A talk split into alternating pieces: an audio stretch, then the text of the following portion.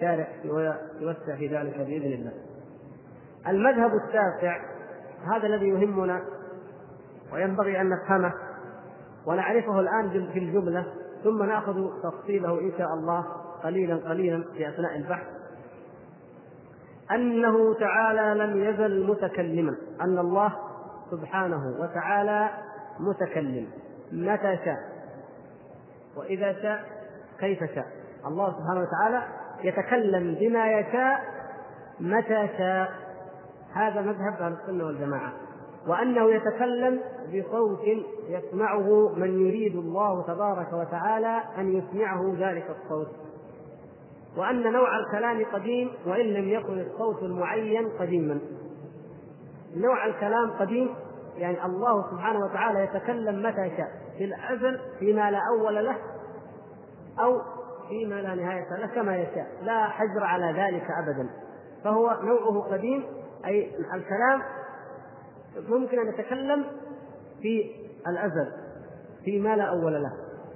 وهذه العبارة رد على الكرامية المذهب الخامس الذين قالوا إن الكلام تحول من الامتناع الذاتي إلى الإمكان الذاتي. يعني كان ممتنعا ثم تكلم. كيف تمنعون عنه فيما سبق؟ يتفلسفون في ذلك مثل ما مر معنا في قضية حوادث لا أول لها. لكن مذهب أهل السنة والجماعة أنه سبحانه وتعالى كما يشاء في أي وقت يتكلم وكذلك في الأزل فيما لا أول له. فالنوع قديم. وأما الآحاد الآحاد أو الأعيان أعيان الكلام فإنها متجددة متجددة. يعني مثلا الله سبحانه وتعالى لما كلم موسى هذا دليل واضح عندنا دائما لما كلم موسى هل كلمه بما كلم به الملائكة لما خلق آدم؟ لا. فتكلم ذلك مع الملائكة ثم تكلم مع موسى وهكذا. فنجد أنه متى يشاء الله سبحانه وتعالى يخاطب من شاء ويتكلم سبحانه وتعالى كما يشاء. وأما الكيفية فإنها نفس ما قلنا في جميع الصفات ان كيفية كلام الله سبحانه وتعالى هذا أمر لا يستطيع العقل أن يدركه. وإنما نثبت ما أثبته الله لنفسه ما أثبته له رسوله صلى الله عليه وسلم وهو الكلام بالصوت الذي يسمعه المخاطب الذي يريد الله سبحانه وتعالى مخاطبته وإعلامه وإفهامه به كما سيأتي إن شاء الله في تفصيل الأدلة على ذلك.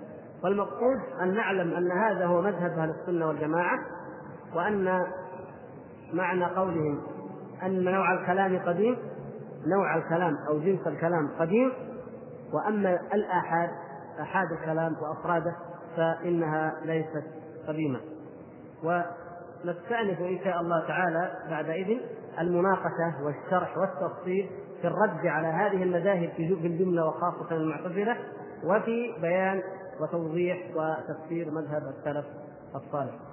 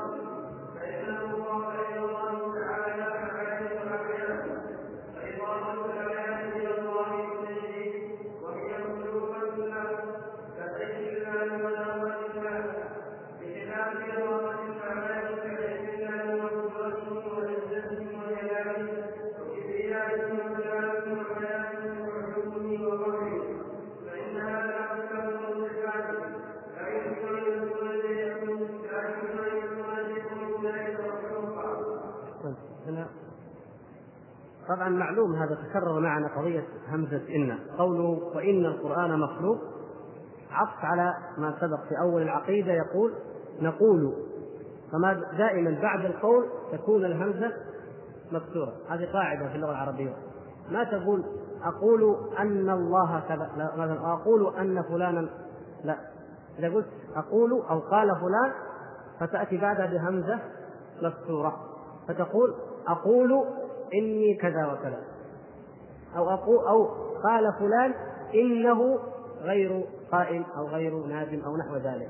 فدائما الهمزة بعد القول تأتي مكسورة وهكذا يقول وإن القرآن يعني أول عبارة إذا وإن القرآن كلام الله منه بدأ وإليه يعود. وإن القرآن كلام الله هذا عطف على ما سبق في أول العقيدة. ثم يقول كلمة كلام الله منه بدأ بلا كيفية. أي نحن لا نفكر الكيفية نحن لا نعرف الكيفية. منه بدأ. كلمة بدأ يمكن أن تكون بدأ منه بدأ ويمكن أن تكون منه بدأ أي ظهر.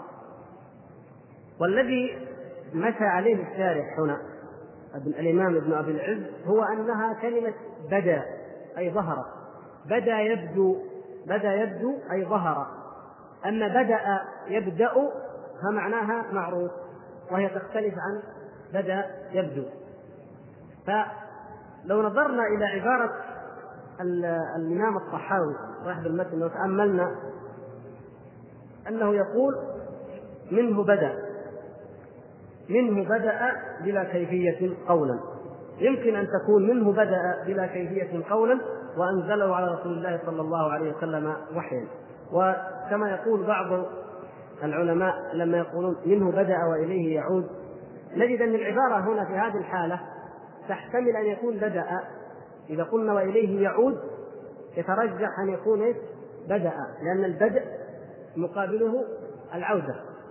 لكن هنا الإمام الطحاوي هو لم يذكر كلمة وإليه يعود وإن كان ويؤمن بها. فبقي الأمر محتملا. يبدو لي أن الإمام ابن عبد العز الشارع اختار كلمة بدأ أي ظهر ولم يختر كلمة بدأ لأنه سوف يرد كما سنرى بعد قليل وكما المعنى في في كلامه في رده على الماتريدي هو حنفي كما تعلمون ابن ابي العز. والماتريدي حنفي وأمثاله وهؤلاء الحنفية فسروا وشرحوا العقيدة الصحاوية شرحا ماتريديا. وقد ألمحنا إلى ذلك فيما سبق. فشرحوها شرحا ماتريديا. فإذا قال منه بدأ أي منه ابتدأ ابتدأ الكلام قد يفهم قد يفهم بعضهم أنه قبل ذلك لم يكن متكلما أو أنه ابتدأ الكلام ابتدأ الكلام وأن جنس الكلام أو نوع الكلام ليس بقديم. فحتى يزيل هذا الإشكال. مال إلى قوله منه بدأ مع أن هذا الإشكال له جوابه ليس هذا موضعه. لكن فيما يبدو من اختيار الإمام الشارع أنه تعمد أن يختار بدأ ولم يشر إلى بدأ فيما لأنه في صفحة 124 يقول وإلى هذا أشار الشيخ رحمه الله تعالى. بعدها يعني في الصفحة اللي بعدها ونقرأها إن شاء الله. يقول وإلى هذا أشار الشيخ رحمه الله بقوله منه بدا بلا كيفية قوله أي ظهر منه ولا ندري كيفية تكلمه به. وأكد هذا المعنى بقوله قولا منه بدا قولا. أتى بالمصدر المعرف للحقيقة كما أكد الله تعالى التكليم بالمصدر المثبت النافي للمجاز قوله وكلم الله موسى تكليما. فهو هو هنا يتكلم في ذلك ونجده عندما يتكلم عن اصحابه الحنفية يذكر أنهم قالوا إن القرآن إن إطلاق القرآن إطلاق الكلام على القرآن هو من قبيل المجاز. فكأنه أراد أن يأتي بمعنى لا يحتمل الشبهة ولا الشك ولا المجاز. الحاصل أنه بدأ منه أي ظهر منه كما سيأتي. طيب المعتزلة ما هي الشبهة التي أوردوها هنا؟ يقول المعتزلة إذا قلنا القرآن كلام الله هذا لا يمنع أن يكون مخلوق كيف هذا؟ قالوا نقول بيت الله بيت الله مخلوق. صحيح. طيب. ناقة الله الناقة مخلوقة أليس كذلك؟ إذا قالوا كلام الله يعني نفس الشيء مخلوق. هذه شبهة لكن الحمد لله الجواب عليها واضح وسهل. أجاب عليها السلف. كما لاحظت في كلام الشارح هنا ما يضاف إلى الله عز وجل على نوعين معاني وأعيان. أعيان أشياء معينة واضحة مخلوقة. مثلا بيت الله بيت الله معروف الكعبة ناقة الله مثلا خلق الله عموما مثلا ماء الله أي شيء نضيفه إلى الله عز وجل. فإن هذا يكون اسم من الأعيان الأعيان الموجودة فإن الإضافة هنا للتشريف. تكون؟ للتشريف. وليس قولنا كلام الله من باب الإضافة للتشريف لا. إذا أضيف إلى الله عز وجل المعاني حياة الله حكمة الله علو الله عزة الله هذه ما هي أعيان معينة إنما هي معاني. فالمعاني إذا أضيفت إلى الله عز وجل فهي صفات. إذا قلنا حكمة الله فالمقصود بها صفة الله التي هي الحكمة. رحمة الله أي الصفة التي يتصف بها الله عز وجل. وكلام الله أيضا معناها إيش؟ الصفة التي يتصف بها الله عز وجل. فهي ليست مخلوقة. وإلا لزم على كلام المعتزلة هؤلاء أن جميع صفات الله مخلوقة. لأننا نقول رحمة الله علم الله مثلا حياة الله. حياة الله مخلوقة؟ والعياذ بالله ما يوصفون حتى هم يقول لا إذا على كلامكم أنها أن القرآن مخلوق والإضافة للتشريف يكون كل ما يضيف إلى الله مخلوق يمكن أن يكون مخلوقا. وهذا قول ظاهر الفساد وظاهر البطلان. فإذا المع... الأعيان نفرق بين الأعيان وبين المعاني. فما أضيف إلى الله عز وجل من الأعيان أي من الذوات فهذا يضاف للتشريف. كل النوق التي خلقها الله نوق لله كلها لله كل الخلق لله عز وجل. لكن إذا قيل ناقة الله بالذات فيها إضافة تشريف. نعم. لأنها بالذات هذه الناقة أخرجها الله سبحانه وتعالى لتكون آية لثمود. هذه آية عظيمة. فهي تختلف عن أي ناقة أخرى ولدت بطريقة طبيعية وجاءت بطريقة عادية كما شاء الله عز وجل. أن يكون أن يطبع المخلوقات في في التناسل والتكاثر مثلا. بيت الله أيضا كل البيوت بيوت الله. والمساجد بالذات من بيوت الله. في بيوت أذن الله أن ترفع. لكن إذا قلنا بيت الله التشريف هنا يحصل للكعبة الذي هي أول بيت وضع للناس. وهكذا. فلا بد مثلا رسول الله صلى الله عليه وسلم. لأنه ذات الرسول صلى الله عليه وسلم لأنه ذات عين معينة مخلوقة فنقول رسول الله نعم هنا بالتشريف صلى الله عليه وسلم. أما إذا قلنا حكمة الله حياة الله علم الله ومنها كلام الله فلا يمكن أن يكون هذا مخلوقا وإنما هي صفات. ولذلك لا نضيف إلى الله تعالى إلا الحق لأننا إذا أضفنا إليه شيء فإن هذا يدخل ضمن ما يوصف به الله في الجملة الصفة بالمعنى العام. هذه شبهة أولى نقدر نقول هذه الشبهة الأولى من شبهات المعتزلة ونقضها.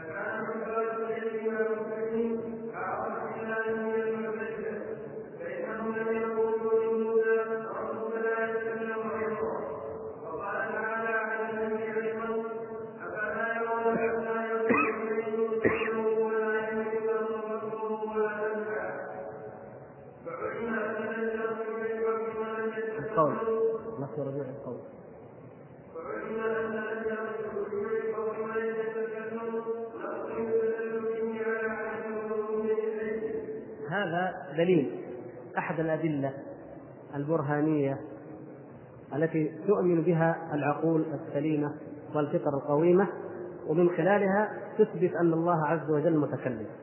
وهو أن الكلام وصف كمال. بخلاف الخرق فإنه وصف نقص وعيب وذنب. أو إما أن يكون يعني خلقة من خلقه الله سبحانه وتعالى أخرق فهذا أقل درجة بلا شك ممن خلقه سميعا بصيرا متكلما بلا شك. وإما الإنسان العيب خلقه الله وهو قادر أن يتكلم لكنه لا يتكلم ينحصر. ما يقدر يعبر هذا لا شك أنه منقص أو مثلا دم فيه أو كذا. ليس المقصود الآن هو يعني معرفة الذم من غيره بقدر ما نريد إيه؟ أن نثبت أن الكلام كمال. وقد سبق أن تقررت قاعدة وهي أن كل ما كان صفة كلام كمال كل ما كان صفة كمال بإطلاق أي لا نقص فيه وجه من الوجوه فالله تعالى أولى به من المخلوق. أي صفة حتى وإن كانت في المخلوق لكنها صفة كمال وليس فيها نقص. بوجه من الوجوه فالله سبحانه وتعالى أولى بها. ليش قلنا بوجه من الوجوه أو قلنا على الإطلاق؟ المخلوق الذي يتزوج أكمل من المخلوق العاقر أو العقيمة أو الذي يتزوج أو المرأة العاقر. المخلوق الذي يتزوج أكمل ممن لا يتزوج. لكن في حق الله عز وجل لا هذا يكون نقص. فإذا قيدنا قلنا كل صفة كمال في حق المخلوق لا نقص فيها بوجه من الوجوه. كل صفة كمال لا نقص فيها بأي وجه من الوجوه أو لا نقص فيها على الإطلاق فالله تعالى أولى بها. ومن ذلك أنه جل شأنه متكلم كما أن صفة الكلام ممدوحة وكمال في المخلوق. الدليل على ذلك قوله تبارك وتعالى واتخذ قوم موسى من بعده من حليهم عجلا جسدا له خوار ألم يروا أنه لا يكلمهم ولا يهديهم سبيلا؟ ألم يروا أنه لا يكلمهم ولا يهديهم سبيلا؟ الإله الحقيقي يتكلم يأمر وينهى ويشرع أما هذا الذي لا يكلمهم ولا يهديهم سبيلا كيف يتخذونه إلها؟ هنا يا أخوان أمر دقيق. نحب أن ننبه على بعض المسائل وان استطردنا لكنها مهمة. الذين يدخلون في قضية لا لم يجد فيها الكتاب والسنة ويشعبون أنفسهم فيها قضية التجسيم. يقولون ما ثبت أنه جسم فليس بإله. طيب في في, في مثل هذا الحاله العجل جسم موجود امامهم كان يكفي الله عز وجل قادر سبحانه وتعالى وهو عليم كان يقول ألم يروا أنه جسد؟ خلاص يفهموا هكذا كما يقول على ما يقول هؤلاء. إذا ما دام العلم جسد إذا ليس بإله. وكذلك في صفة الدجال كما تعلمون كان ممكن أن يقول النبي صلى الله عليه وسلم إنه ليس بإله. إنه ليس بإله الدجال. لماذا؟ لأن الدجال جسد أو جسم. والله ليس بجسم. لكن يا إخوان انظروا الألفاظ المسكوت عنها في الكتاب والسنة السكوت عنها له دلالته. وهذا دليل على أن الوحي من عند الله. القرآن وكلام الرسول صلى الله عليه وسلم هو أعظم الأدلة وأصدق اليقين.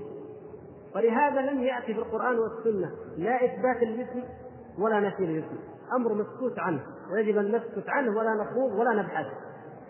لا نتعرض. شيء مسكوت عنه ما جاء نفيه ولا جاء إثباته.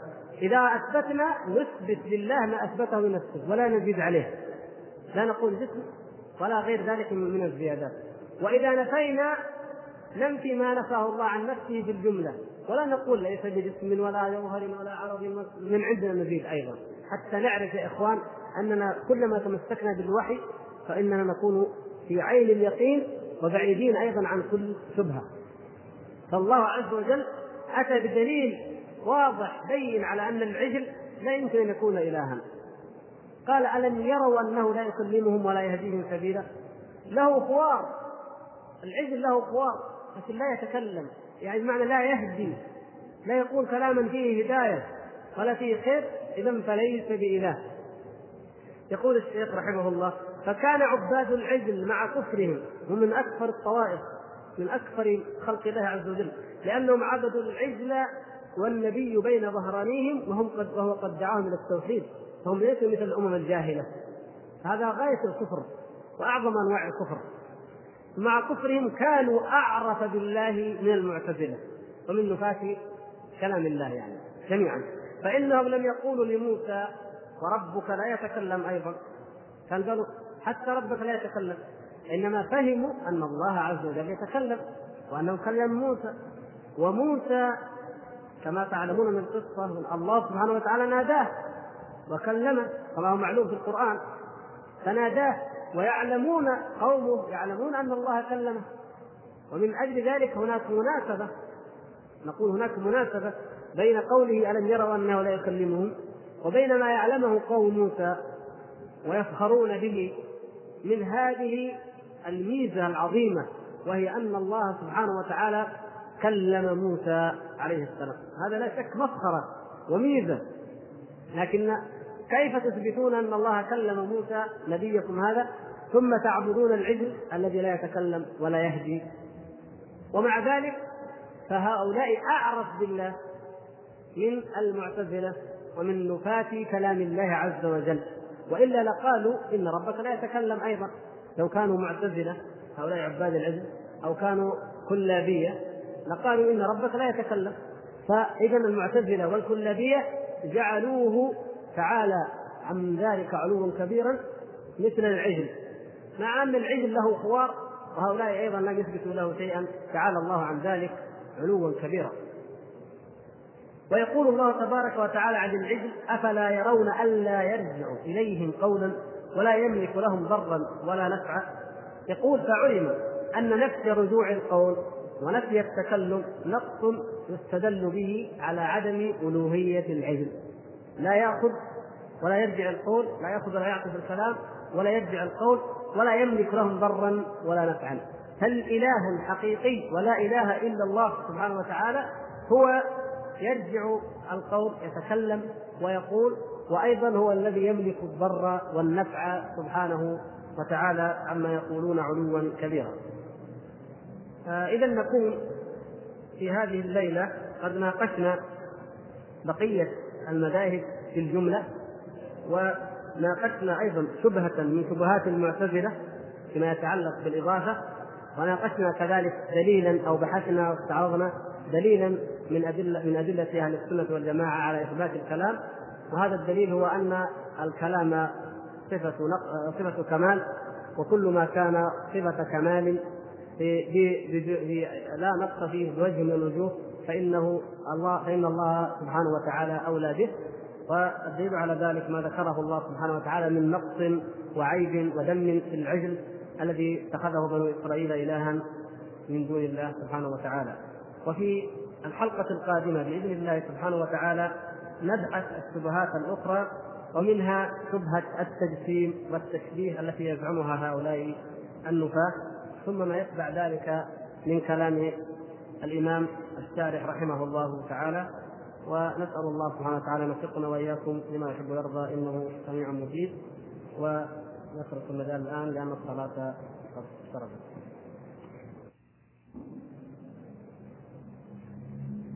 الإخوان كثير من الأسئلة في القدر ما أدري ما السر.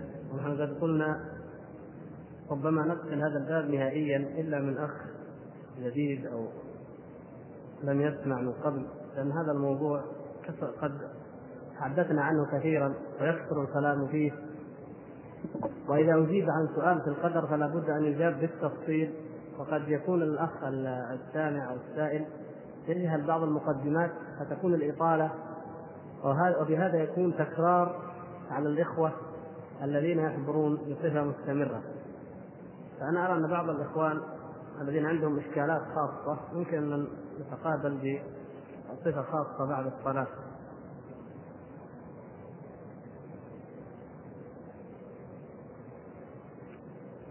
أما ما يتعلق بموضوعنا أحد الإخوان يقول ذكرت أن من ينسب إلى الله تعالى نوعين حسي ومعنوي مثل بيت الله الحسي مثل بيت الله والمعنوي كلام الله.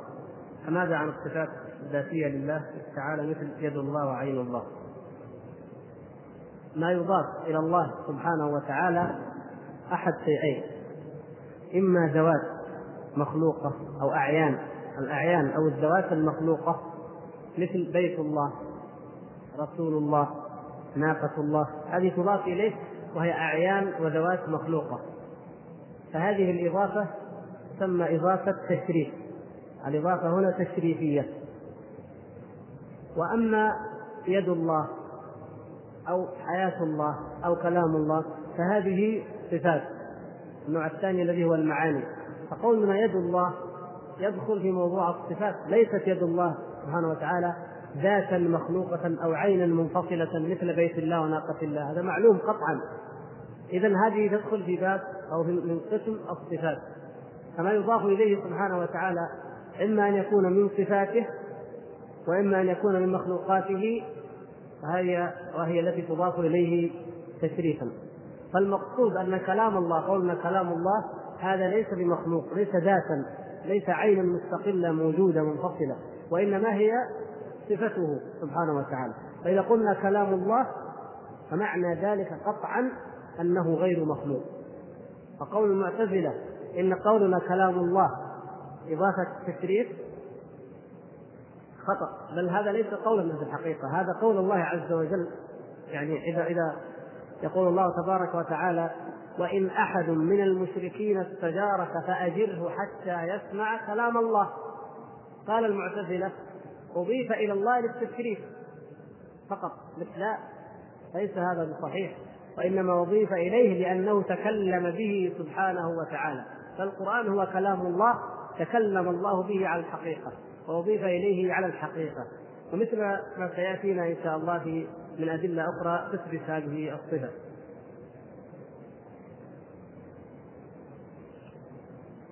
الأخ يقول هل يعتبر يعتبر الإمام ابن الجوزي من المفوضة مثل الجويني؟ وهل جرى في على هذا المجرى أم كان مضطربا؟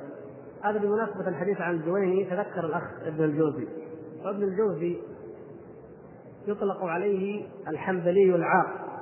هو حنبلي لكنه عاق يعني خرج عن المذهب وأنكر الصفات واتبع في ذلك شيخه ابن عقيل.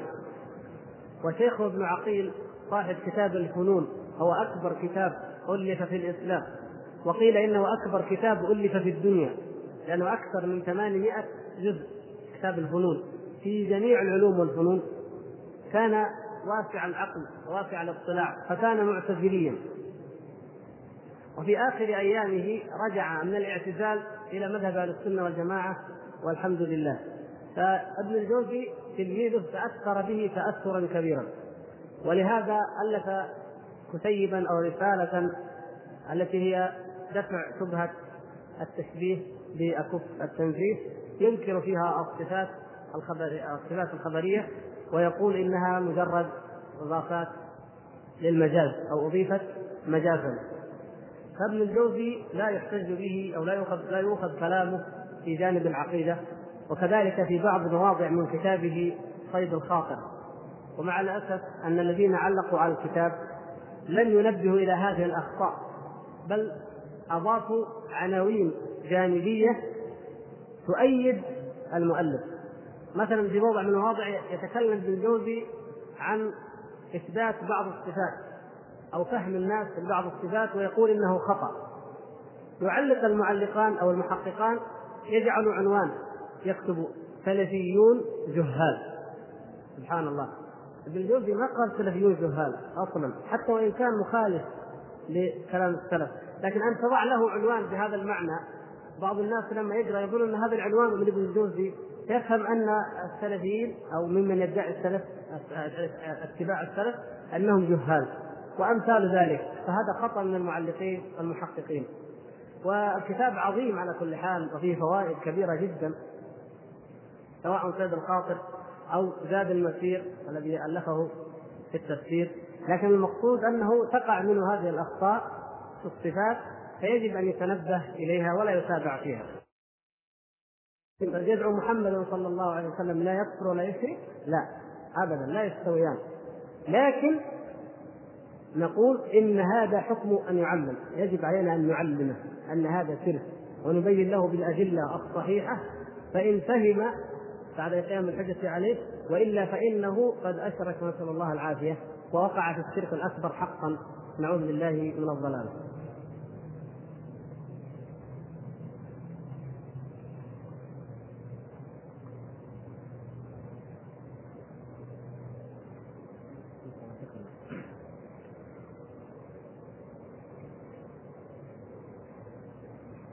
في سؤال ما وين كان في القدر لكنه متقدم شوية ممكن نبدأ به. الأخ يقول قال الله تعالى ما أصاب من مصيبة في الأرض ولا في أنفسكم إلا في كتاب. الآية 22 إلى 23 من سورة الحديث نرجو مدرستكم. عدة مطالب. الحقيقة أنا أنصح الأخ أنه يرجع إلى تفسير ابن كثير. ودائما أنصح إخواني في أي قضية نستطيع أن نرجع فيها إلى المراجع أن نرجع فيها. أولا لأننا كنا طلاب علم. ثانيا لأننا جميعا الإنسان منا لما يسمع غير لما يقرأ. لاحظوا كثير من الأحاديث وكثير من الآيات. حافظينها غير مما نسمعها تتكرر لكن لو قرأناها نحن في الكتاب نراها بشكل آخر وتثبت في ذهننا بشكل آخر ونتعود الرجوع إلى الكتب وإلى المصادر. لكن هذه الآية لعلاقتها بالعقيدة وبالقدر ممكن نشرحها كما يطلب الأخ. يقول تفسير الآية إجمالا. ما أصاب من مصيبة في الأرض ولا في أنفسكم إلا في كتاب. وهذه المصيبة هنا يقول الخير أو الشر.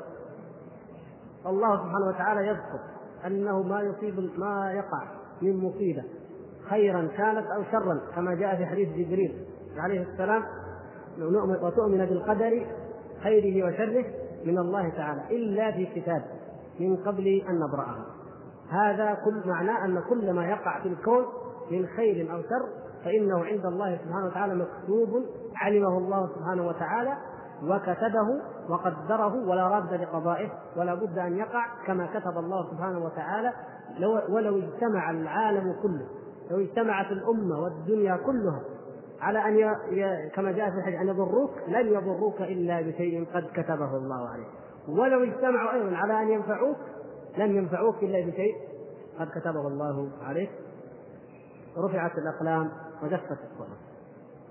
المقصود بكلمة نبرأها أي نخلقها من قبل أن نخلقها من قبل الخلق ولذلك مثل ما مر معنا في الماضي قلنا إيه التقدير العمري أو القدر العمري إن الإنسان كما جاء في الحديث الصحيح إن أحدكم يجمع خلقه في بطن امه آه، في أربعين يوما ثم أربعين يوما ثم إيه؟ ثم يأتي الملك فينفخ فيه الروح فيؤمر بكتب أربع كلمات رزقه وأجله وعمله وشقي ام سعيد هذا التقدير الذي يكتبه الملك هو قد سبق في علم الله عز وجل وقد كتبه الله عز وجل وقدره في اللوح المحفوظ كما أخبر الله سبحانه وتعالى كما جاء في الحديث الصحيح إن الله كتب مقادير كل شيء قبل أن يخلق السماوات والأرض بخمسين ألف سنة. خمسون ألف سنة. ولهذا لا ليس هناك داعي للقنوط ولا لليأس. لكي لا تأسوا على ما فاتكم. ولا تفرحوا بما آتاكم. لاحظتم يا إخوان؟ هذه هذا هذا المطلوب المهم. هذا لكي تكون قلوبنا عامرة بالإيمان والإطمئنان بقضاء الله وقدره. لا نحزن على ما فات ولا نفرح فرح البطر والأشر بما أتانا من الله عز وجل من خير أبدا. المسألة مقضية مكتوبة قبل أن نخلق بل قبل أن تخلق السماوات والأرض بخمسين ألف سنة. هل يستدل من هذه الآية أن قصة الحياة كلها قد كتبت مقدما وأن ما نحن فيه ما هو إلا مجرد إخراج لهذه القصة إلى الوجود الفعلي فقط؟ يعني قصة ما قصة. المهم هذه هذا دليل على أن ما يقع وكل ما يقع في الكون هو مكتوب عند الله عز وجل. وأن ما نعمله الآن فإنه هو صورة مطابقة لا يمكن أن يقع إلا وفق ما كتب الله وما قدر قدر وقضى. ليش أنا قلت لا نجيب كلمة قصة أو كذا؟ لأن مثل ما سبق أن قلنا التعبيرات الأدبية أحيانا قد يفهم منها غير المقصود. قد يفهم أحد من قصة الوجود الجبر إنه هذه مثل الفيلم الذي يعد ثم يعرض فعرض يعرض بطريقة لن لا تخرج عما قد أعد يعني بمعنى أنه ليس هناك اختيار لا الخلاف بين أو معنى القدرتين أو الإرادتين الشرعية والقدرة الإرادة الكونية والإرادة الشرعية أو مشيئة الله عز وجل ومشيئة العبد هذا أمر مقرر ومعروف في موضعه وكفى قوله تبارك وقوله تبارك وتعالى وما تشاءون إلا أن يشاء الله فلنا مشيئة وله عز وجل مشيئة ولكن مشيئتنا خاضعة وتابعة لمشيئته سبحانه وتعالى. أليس للقدريه حجة لهذه الآية؟ قلنا إن القدرية في مبحث القدر الماضي القدرية تطلق على من ينكر القدر. وهذا هو الأشهر والاكثر وقد تطلق على من يثبت القدر جبرا الجبرية. القدرية الذين ينكرون القدر لا يحتجون بهذه الآية. بالعكس إن هذه واضحة أنها ضدهم لأن الله عز وجل يثبت القدر. بل هي من الأدلة التي تدل على تكفير من أنكر من القدرية أن الله يعلم ما كان وما سيكون. القدرية الذين يغلون في إنكار القدر إلى حد إنكار العلم هؤلاء كفار. بخلاف القدرية الذين يثبتون العلم ولكن ينكرون قدرة المخلوق قدرة أو أن الله هو الذي خلق قدرة العبد. هذا تفصيل لا لا شأن له الآن أما الجبرية فقد يستدلون لا نقول فيها حجة ليس فيها حجة إلا للمؤمنين. لكن قد يقولون أن كل شيء قد كتب إذا فالإنسان مجبور ما يستطيع أن يفعل شيء. لا. قد وضح النبي صلى الله عليه وسلم وأيضا جاء في القرآن ما يدل على ذلك في آيات كثيرة أن الإنسان يفعل وأنه يشاء وأنه يختار. إنا هديناه السبيل إما شاكرا وإما كفورا وإن الله قد كتب كل شيء حتى العجز أو الكيف يعني إن عملت الطاعة مكتوب. إن اخترت عدم عمل الطاعة مكتوب أيضا. فأنت اذا اخترت هذا مكتوب واذا اخترت هذا هو مكتوب. فلماذا يجيك الشيطان يقول ما دام مكتوب إنك ما تطيع لا تطيع؟ كيف هذا الكلام؟ إن عملت هذا أو هذا كلاهما مكتوب. هذا من حيلة الشيطان ومن خداع الشيطان للإنسان. ما الذي يدريك أن الله كتب أنك لن تهتدي؟ حتى تقول لو شاء الله لهداني. ما الذي يدريك أنه ما شاء؟ هل تعلم الغيب؟ لا. وقد أوضحنا مرارا أن المؤمن يدفع القدر بالقدر. أليس كذلك؟ المرض جاء الله الذي قدر عليه المرض. نعم. ومن قال غير ذلك فقد كفر. الله الذي قدر المرض. هذا قدر. طيب أدفع القدر؟ نعم. باي شيء؟ بالقدر. وهو الدواء. اخذي الدواء من القدر. واصابتي بالمرض من القدر. فأنا أدفع القدر بالقدر. إغواء الشيطان لنا نحن بني آدم من القدر. ما في شك. الله عز وجل هو الذي قدر ذلك وهو الذي أعطاه طول العمر إلى يوم يبعثون وأعطاه المكر وأعطاه اننا أنه يرانا هو وقبيله من حيث لا نراه وكذا وكذا. لكن نحن ندفع القدر بالقدر. أعطانا أيضا القرآن وأعطانا السنة وأعطانا الحجة وأعطانا الإرادة أن نخالفه وأن نعصيه. وأن نضيق مجاريه من الدم وأن نفعل وأن نفعل ونستعيذ بالله من شره. اذا عندنا قدر وعندنا قدر ندفع القدر بالقدر هذا هو حال المسلم الحقيقي المؤمن بالقدر ويدفع هذا بهذا. فيستعين بالله ولا يعجز. ولا يقول إذا أصابه شيء لو أني فعلت كذا وكذا ولكن يقول قدر الله وما شاء فعل أو قدر الله وما شاء فعل كما علمنا ذلك النبي صلى الله عليه وسلم. ولا يحتمل المقام أوسع من ذلك. الأخ يقول إذا كانت المصائب بحسب بسبب الأعمال حسب الآية فكيف نفسر أن الرسل والصالحين يصابون أكثر من غيرهم؟ الآية التي تدل على ذلك في سورة الشورى ما أصاب مصيبة إلا وما أصاب مصيبة فبما كسبت أيديكم ويعفو عن كثير. الكلام صحيح على كل حال لكن الصالحون والرسل يبتلون يبتلون ابتلاء. المصيبة على نوعين يا إخوان. المصيبة على نوعين. إما ابتلاء وإما عقوبة عافانا الله وإياكم. فأما الابتلاء فإن الرجل يبتلى على قدر دينه كما أخبر ذلك النبي صلى الله عليه وسلم. الأمثل فالأمثل. فأكثرهم بلاء الأنبياء. ثم الأمثل فالأمثل. وكذلك جعلنا لكل نبي عدوا من المجرمين. لا بد أن يعاد النبي وأن يؤذى وأن يبتلى. وكل عباد الله الصالحين وكل الدعاة إلى الله وكل الآمرين بالمعروف والنهي عن المنكر لا بد أن يبتلوا. قاعدة. هذا ابتلاء. ألف لام أحسب الناس أن يتركوا أن يقولوا آمنا وهم لا يفتنون؟ ولقد فتنا الذين من قبلهم فليعلمن الله الذين صدقوا وليعلمن الكاذبين.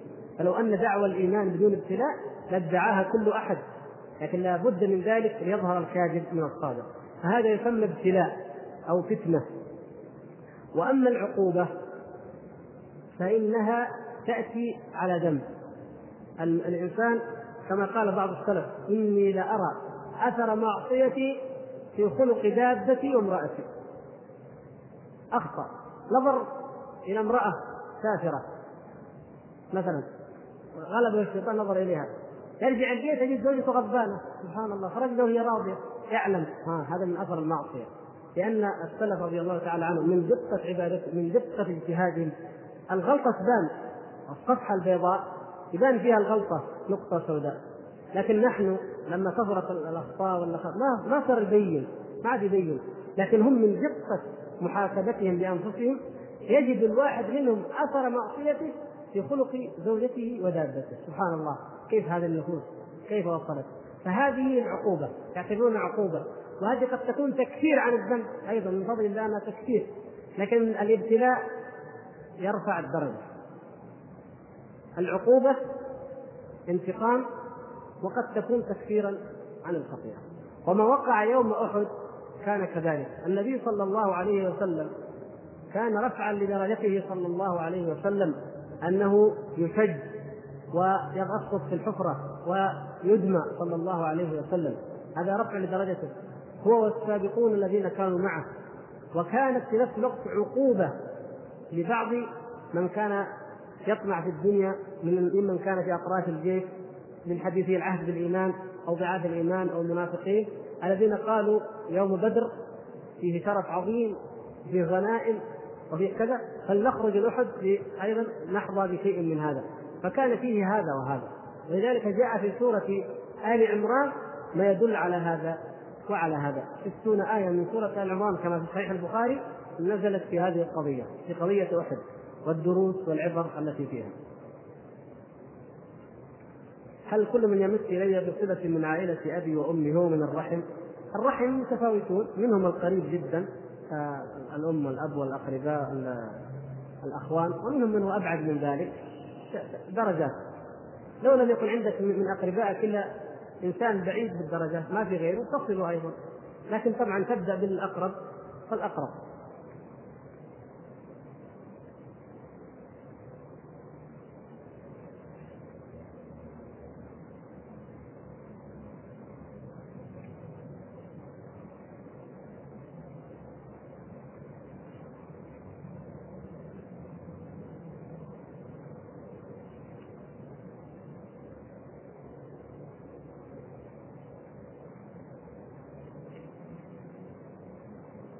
يسال عن التيار الماركسي الشيوعي. قلنا أن هذه الموضوعات طويلة ونسأل الله أن نوفق لإلقاء محاضرات عامة فيها أو ما أشبه ذلك. اتفقنا على هذا لكن الله المستعان. بعض هذه الأسئلة يعني. أخي أسأل عن رجل من الناس يقول هل هو منحرف العقيدة أو لا؟ هو منحرف العقيدة و لا يجوز أن يسمع إلا على سبيل النقد له أو سماع ما يقول. إذا طلبنا من شيخ قلنا ادعو الله لي أن أحفظ القرآن. هذا لا بأس. إن شاء الله جائز أن تقول لأحد يدعو الله لك. لكن لا يكون هذا دأبك. لا يكون هذا الشأن أن الإنسان دائما يدعو. الاسترسال والمبالغة في ذلك قد تخرج عن الجواز.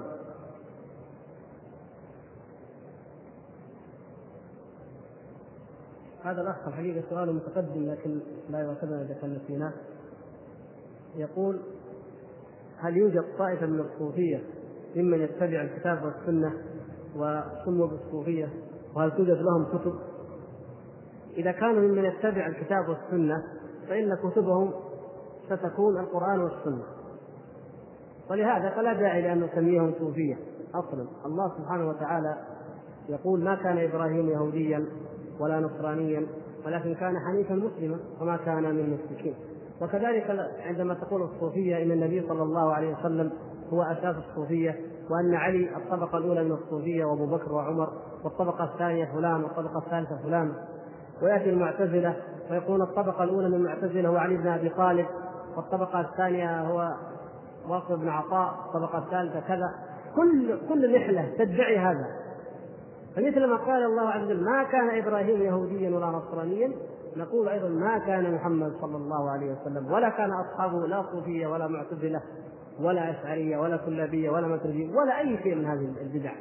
إنما هو الكتاب والسنة وإنما هي الجماعة وهم الجماعة الذين أمرنا الله أن نلزمهم وأن نتبع طريقهم. فالصوفية كلمة معروفة اصطلاح معروف قبل أن يبعث الله محمد صلى الله عليه وسلم.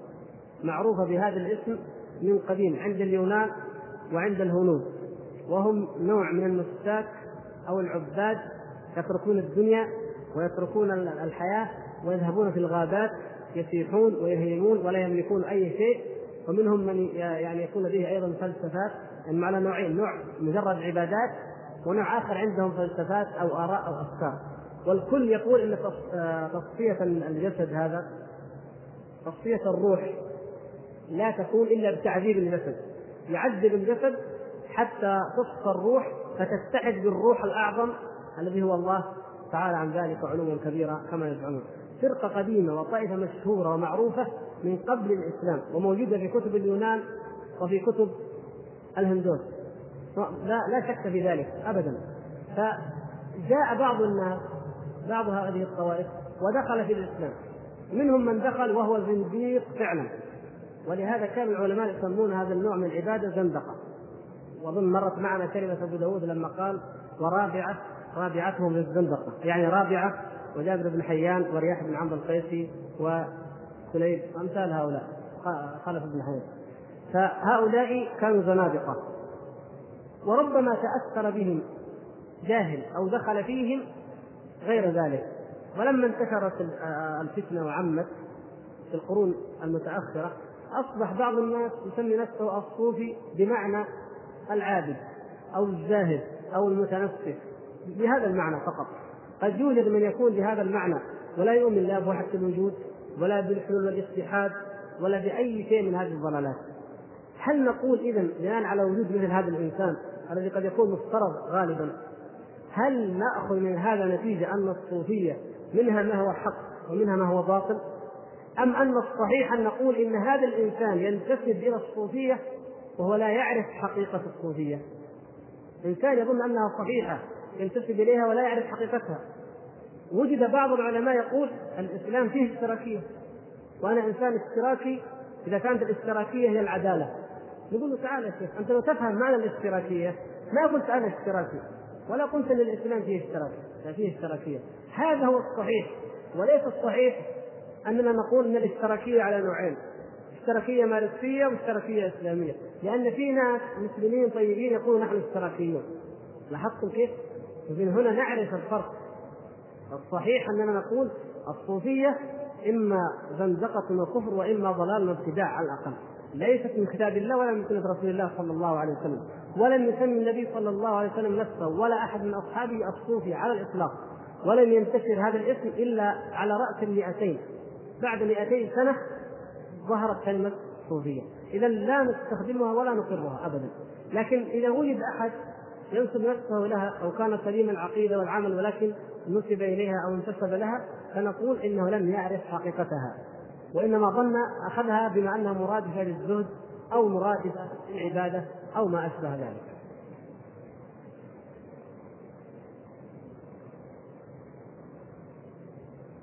مشكلة هذا الأخ يقول سؤال هام جدا. وأرجو أن تجيب عليه عاجلا في هذه الجلسة لأنه لا يحتمل التأخير. امرأة تلفت كليتيها كليتاها. المفروض فقال لها أحدهم أعطيك إحدى كليتي بشرط أن تتزوجيني قال يصح هذا الشرط وهذا النكاح؟ أنا أرجو من الأخ أن يحيل هذا السؤال إلى هيئة كبار العلماء ويتصل بالتليفون. علما بأن في مجلة ما أدري هي الخامس عشر أو الرابع عشر من مجلة آه، البحوث العلمية فيه فتوى حول التبرع في الكلى. لكن أما أن تكون مهرا هذه مشكلة.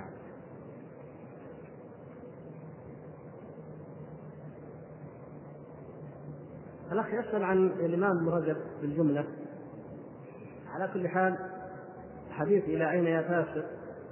يقول إن النهي إن النبي إن ذكر ابن رجب حديثا أن لا يجوز البناء أكثر من دورين وأن الإنسان إذا بنى أكثر من دورين إن الله عز وجل يقول إلى أين أو يبعث ملكا يقول إلى أين يا فاسق؟ هل هذا الحديث صحيح؟ لا أظن ولا أعتقد أن مثل هذا الحديث يمكن أن يصح. لا, لا أعرف سنده لكن واضح علي أنه غير صحيح. قد يكون من كلام بعض العلماء ومن كلام بعض الوعاظ أو ما أشبه ذلك. أما عن النبي صلى الله عليه وسلم فلا يصح مثل هذا الحديث لوجود ما يرد ذلك ويبطله ولكن كما قال الأخ يقول أن له شروحات تقرب من فكر الصوفي كما في شرح حديث الإحسان. الإمام ابن رجب رحمه الله تعالى من خيار العلماء الذين تتلمذوا على منهج شيخ الإسلام ابن تيمية وتلميذه ابن القيم. وهو متأثر إلى حد كبير بالتصوف باقوال المتصوفه وإن كانوا لله الحمد بعيدا عن ضلالاتهم. ولكنه ينقل من أقوالهم ومن رقائقهم آه، الشيء الذي لا غبار عليه في الغالب إن شاء الله. لكن التأثر بلا شك لا ينفع التأثر بهم واضح. وهو يحرص على أن ينقل عنهم العبارات السليمة. لا ما نجد أنه ينقل عنهم مثل قولهم ما في الجبة إلا الله والعياذ بالله أو ما أشبه ذلك أو أنا سبحاني سبحاني أو مثل هذه العبارات. ما ينقلها. ينقل عنهم في الرقائق ينقل عنهم في أمور يرى أن من الخير أن تنقل. واذكر يا إخوان أن قد أشرنا إلى هذا وقد لا بأس أن نذكره الآن. إن الأمة الإسلامية في القرن الثامن لما كان شيخ الإسلام ابن تيمية وابن القيم وابن الرجل وابن كثير كانت الأمة غارقة في التصوف. وكانت تعظم أئمة التصوف مثل الجنيد والشبلي وأمثالهم إلى درجة عظيمة حتى أن بعضهم يؤلفهم فكر عام في الأمة. فحينئذ كان الدعاة وكان المصلحون من العلماء يتألفون قلوب الناس إلى الحق وإلى السنة وإلى الهدى ببعض العبارات التي نقلت عن الجنيد أو عن الشبلي أو عن النوري أو عن فلان. فيقولون إنهم قالوا طريقنا هو الكتاب والسنة. إنهم قالوا المواظبة على الأعمال كذا التوحيد كذا الصبر كذا اليقين كذا. يأتون بالكلام الذي هو حق من كلام أولئك ولا شك أن فيه الحق وفيه الباطل. يتألف قلوب الناس المعجبين بهم معجبين بهم جدا تتالف قلوبهم ليهتدوا إلى الكتاب وإلى السنة وإلى الصواب فيه. وبعضهم قد يغلب عليه ذلك أو قد لا يفهم مقصد العلماء لما يفعلون ذلك فيظن أن العلماء يعظمون هؤلاء الناس بإطلاق مع أنه ما سألهم عن رأيهم الخاص فيهم. لكن هذه الطريقة تؤثر به فينقل كلاما بإطلاق أو يزكيهم بإطلاق. ومن هنا ينتج عندنا مثل هذا الخطأ في مناهج التأليف. ولا شك أن جامع العلوم والحكم من أفضل الكتب ومن أجمعها لشروح هذه الخمسين حديثا الموجودة فيه. ولكن أيضا لا يعني ذلك أن ما نقل من هذه العبارات لا نقف عنده أو لا ننقده. ليس هناك كتاب فوق النقد إلا كلام الله عز وجل وكلام رسوله صلى الله عليه وسلم. وطالب العلم الخبير البصير يمكن أن يعرف ذلك أو يسأل عنه العلماء فيجتنبه.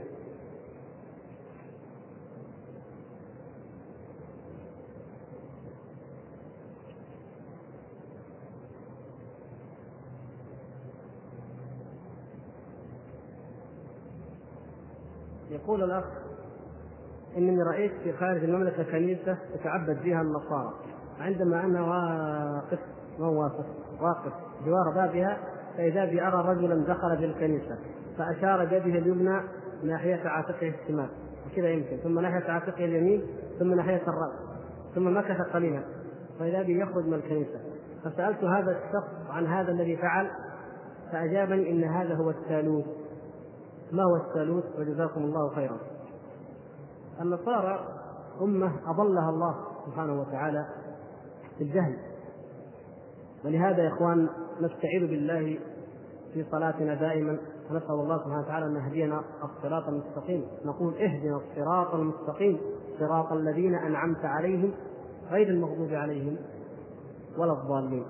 الضالون هم النصارى ومن في حكمهم؟ ممن عبد الله على ضلاله وعلى جهاله. النصارى الثالوث عندهم يقولون الأب أو الآب والابن وروح القدس ثلاثة. فيستفتحون النصارى دائما صلاتهم يقولون باسم الآب والابن وروح القدس إله واحد. باسم الثلاثة بعدين يقولوا إله واحد. وعجزوا عن تفسير هذا الثالوث. عجزوا عن تفسيره. واختلفوا فيه اختلافا شديدا جدا. لا يكاد يتفق اثنان من النصارى على حقيقة الثالوث. ولا أي مؤلفين من مؤلفينهم. كلهم يذهبون للكنائس القساوسة والمصلون لكن تسأل هذا ما معنى الثلاثة؟ كيف تكون الثلاثة واحد؟ هذا يشرح لك شرح وهذا شرح وبعضهم يقول هذه أسرار أسرار مقدسة يسمونها. ما نخوض بها نؤمن بس ولا نتكلم خلاص. فهذا الثالوث هو هذا الاعتقاد. والله عز وجل يقول لقد كفر الذين قالوا إن الله ثالث ثلاثة. سبحانه وتعالى. فهو إله واحد جل شأنه. وأما روح القدس فإنه جبريل عليه السلام خلق من خلق الله. وأما آه، عيسى عليه السلام فإنه أيضا خلق من خلق الله. إن مثل عيسى عند الله كمثل آدم. خلقه من تراب ثم قال له كن فيكون. فالذي خلق آدم من غير أب ولا أم هو الذي خلق عيسى من أم بلا أب وليس في ذلك ما يستغرب أبدا. ولكن هؤلاء يعتقدون بهذا التثليث وكما ذكرت أنهم يجهلون حقيقته. ويعجزون عن تفسيره هم بأنفسهم. القصص الخيالية التي تخص تقص الأطفال مثل العفاريت والغيلان والجن وغيرها. الإنسان القلب إناء. قلب الطفل أو الكبير إناء. إما أن يوضع فيه عسل وإما أن يوضع فيه ماء وإما أن يوضع فيه العز لا نجاسة أي شيء. الإناء فارغ ويريد أن يمتلئ. الطفل إذا حفظ القرآن وعلم الحق وبصر به وحكيت له قصص الأنبياء يتعبى هذا الإناء ويرتاح ويطمئن. فإذا ترك مسكين على الفراغ فإنه يشتاق إلى شيء يسمعه فحينئذ يأتي العجائز أو الجهلة ويحدثون عن العفاريت وعن الجن يسمع. ليس بإمكان الطفل أن يرفض. إذا كان الكبار فوق الأربعين وخمسين سنة يشاهدون أفلام الكرتون ونستغرب الطفل اللي عمره خمس سنوات أو ست سنوات. هذا هذا ليس قضية يعني كبر العمر ولا صغره إنما هي قضية فراغ القلب فراغ القلب. والله عز وجل يقول ألا بذكر الله تطمئن القلوب.